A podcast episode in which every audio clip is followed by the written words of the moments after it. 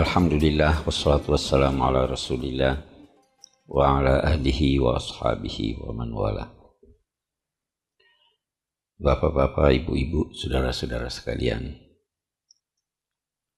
Ada dua pilihan di antara sekian banyak pilihan yang diusulkan atau terlintas dalam benak. Kita sudah bicara beberapa ayat tentang Asma'il Husna kita menjanjikan kita masih bicara lagi tentang Asma'il Husna. Eh, ada juga yang mengusulkan kita bicara tentang waktu. Akhirnya eh, malam ini saya akan gabung keduanya dengan memilih Asma'il Husna yang punya kaitan dengan waktu.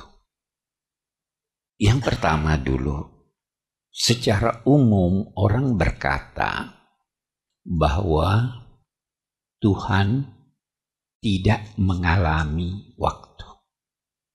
Karena waktu itu adalah gerak. Kalau buat kita geraknya matahari, itu waktu. Geraknya bulan, itu waktu. Sehari, sebulan, setahun, matahari bergerak planet-planet tata surya mengitarinya, kita begitu. Sedang Allah sudah wujud sebelum wujudnya gerak. Ya kan? Jadi dia tidak punya waktu. E, itu sebabnya dalam Al-Quran misalnya, ada ayat-ayat yang e, menggunakan kata masa lalu, past tense, tetapi ketika dinisbahkan kepada Allah, buat kita itu masa datang. Padahal buat Allah itu sudah masa lalu. Saya beri contoh. Ata amrullah fala tasta'jiluh. Itu di awal suratul Nahl telah datang ketetapan Allah. Karena itu jangan minta cepat-cepat didatangkan. Nah, bagaimana? telah datang ketetapan Allah. Karena itu jangan cepat-cepat minta didatangkan. Ini kan kontradiksi nih. Tetapi ketika dinisbahkan kepada Allah, dikatakan sudah itu. Karena Tuhan tidak mengenal dari sisi zatnya, eh waktu tidak mengenal tempat. Tetapi buat kita, eh, eh buat makhluk itu tidak bisa ada wujud makhluk tanpa ada tempat dan tanpa berkaitan dengan waktu. Buat kita manusia, waktu itu bermacam-macam. Ada masa lalu, ada masa kini, ada masa datang. Ya kan? Masa lalu buat kita sudah lewat. Masa datang belum tentu kita temui. Dan sekarang nih, masa kini. Eh, dalam bahasa Indonesia, waktu itu punya banyak arti. Yang pertama, seluruh saat yang lalu, yang sekarang, atau masa datang. Itu namanya waktu. Seluruh saat. Waktu itu, nah, masa lalu nih. Kapan waktunya dia datang? Nah, seluruh saat. Bisa sebelum kita wujud, bisa sesudah kita wujud. Waktu dalam bahasa Indonesia begitu. Itu dalam bahasa Al-Quran dinamai dahar. Al-Quran menyatakan hal ata alal insani hinum midad dahri lam yakun syai'an madkura. Bukankah sudah pernah ada satu waktu, satu masa di mana manusia itu belum wujud? Pernahkah kita belum wujud? Yang umur 60 tahun, 70 tahun yang lalu dia belum wujud. Sebelum manusia diciptakan Allah, sudah ada waktu. Itu dar. Sampai berlanjut. Nah ini makna pertama dalam bahasa Indonesia itu hanya dia katakan waktu. Lalu ini masa datang. Oke.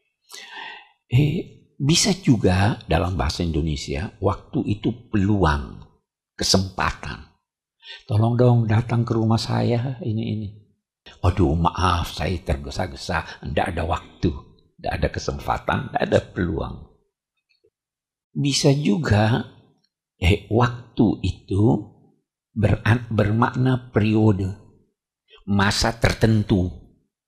Kita misalkan berkata dalam kalau dalam studi studi Islam periode Nabi, masa yang ada awalnya ada akhirnya itu periode. Itu dalam bahasa Al-Quran dinamai asr. Eh, waktu dalam bahasa Al-Quran dan ini juga salah satu makna dari waktu dalam bahasa Indonesia. Semua dia namai waktu. Eh, itu masa di mana disiapkan untuk memulai pekerjaan dan mengakhirinya. Itu waktu sebenarnya. Ada waktu salat, ada waktu salat subuh. Memulai dan mengakhiri. Itu itu itu sebenarnya artinya waktu.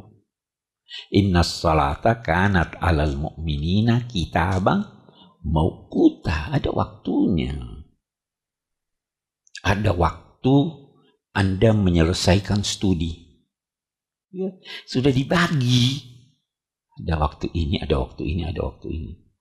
Ada lagi satu juga dalam arti waktu itu ajal. Ajal itu batas akhir dari sesuatu. Oh ini sudah tiba waktunya, sudah tiba ajalnya, sudah berakhir. Itu buat kita manusia. Waktu yang tersingkat yang digambarkan oleh Al-Quran buat kita manusia itu kedipan mata. Allah melukiskan kuasanya dalam melakukan sesuatu dengan wama amruna illa wahidatan kalamhim bil basar. Skip mata. Itu, itu waktu yang paling singkat dilukiskan. Itu ingat dulu waktu waktu eh, Nabi Sulaiman minta supaya didatangkan, gitu. Itu qabla yartadda ilaika Itu waktu yang paling singkat dalam kita. Itu sebabnya tadi saya katakan setiap kita menghembuskan nafas habis waktu kita. Oke. Itu waktu manusia. Eh, itu juga dilukiskan oleh Al-Quran dengan kata sama. Jadi saat itu kalau dalam bahasa sehari-hari kan jam tangan atau 60 menit pada satu jam. Padahal sebenarnya saat itu eh, kedipan mata saat. Itu waktu buat kita bagi manusia. Nah sekarang kita lihat Allah. Kita mau pelajari Ismail Husna Allah. Nah, ada huwal awwalu wal akhir. Apa yang dinamai awal? Apa itu awal? Awal itu tidak dapat digambarkan kecuali dengan membandingkannya dengan yang lain. Saya berkata, dia datang awal. Pasti ada yang lain yang saya bandingkan yang datang sesudahnya. Ya kan? Bahwa akhir tidak dapat tergambar akhir itu kecuali kalau Anda membandingkannya dengan yang lain. Itu huwal awalu wal akhiru. Nah, sekarang kita lihat. Allah al-awwal. Kenapa dia awal? Anda tahu masanya. Tidak perlu Anda tahu masa dalam konteks memahami awal karena tidak tergambar kata awal itu kecuali ada selainnya. Allah itu awal dibanding dengan semua makhluk. Dia awal dibanding dengan semua makhluk. Karena semua makhluk ciptaannya.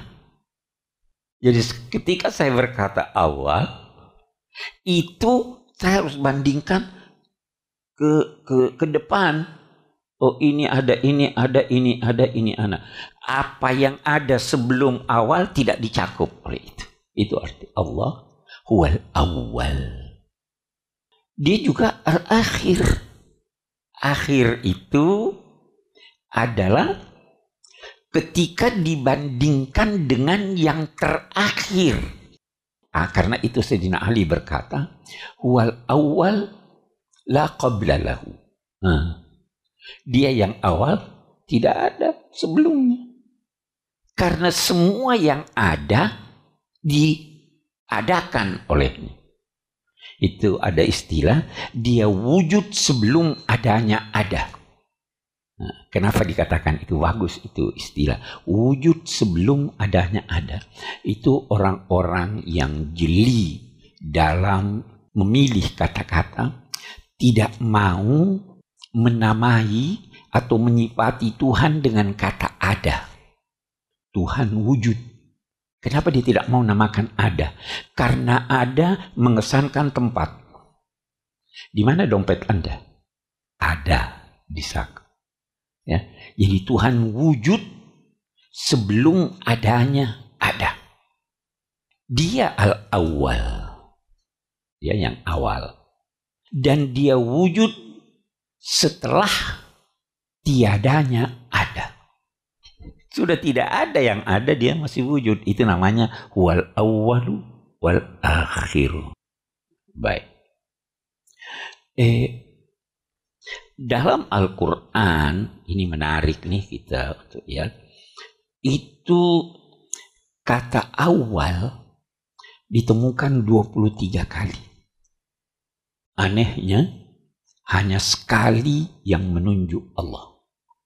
Dan itu dengan menggunakan alif lam. Wah, al-awwal, al-awwal. Lainnya tidak pakai alif lam.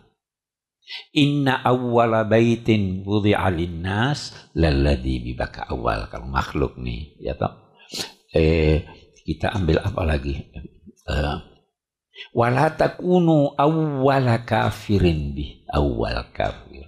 Larangannya ada jangan menjadi orang pertama yang kafir. Awal awal. Nah, ini eh, eh, kita dulu pernah katakan bahwa uh, uh, Asma'il Husna itu perlu diteladani. Nah, dalam konteks meneladani itu ulama-ulama mendapat kesan dari ayat-ayat yang berbicara tentang awal. Nah, jadi katanya jangan menjadi awal orang yang terkemuka dalam kekufuran. La takunu awwala kafirin. Jadilah orang yang terkemuka dalam apa? Dalam ibadah, dalam ini, dalam ini. Itu namanya Anda telah meneladani Allah dalam sifatnya al-awwal. Baik. Akhir, kata akhir, itu juga begitu. Al-akhir satu, wal awalu wal akhir. Oke. Apa akhir yang di dalam Al-Quran? Wa akhiru da'wahum alhamdulillah. Ah, inilah anda mau jadi mau teladani itu. Jadikan segala akhir dari usaha Anda bersyukur kepada Allah. Gagal atau tidak gagal, berhasil atau tidak berhasil, Alhamdulillah. Nah itu Ismail Husna.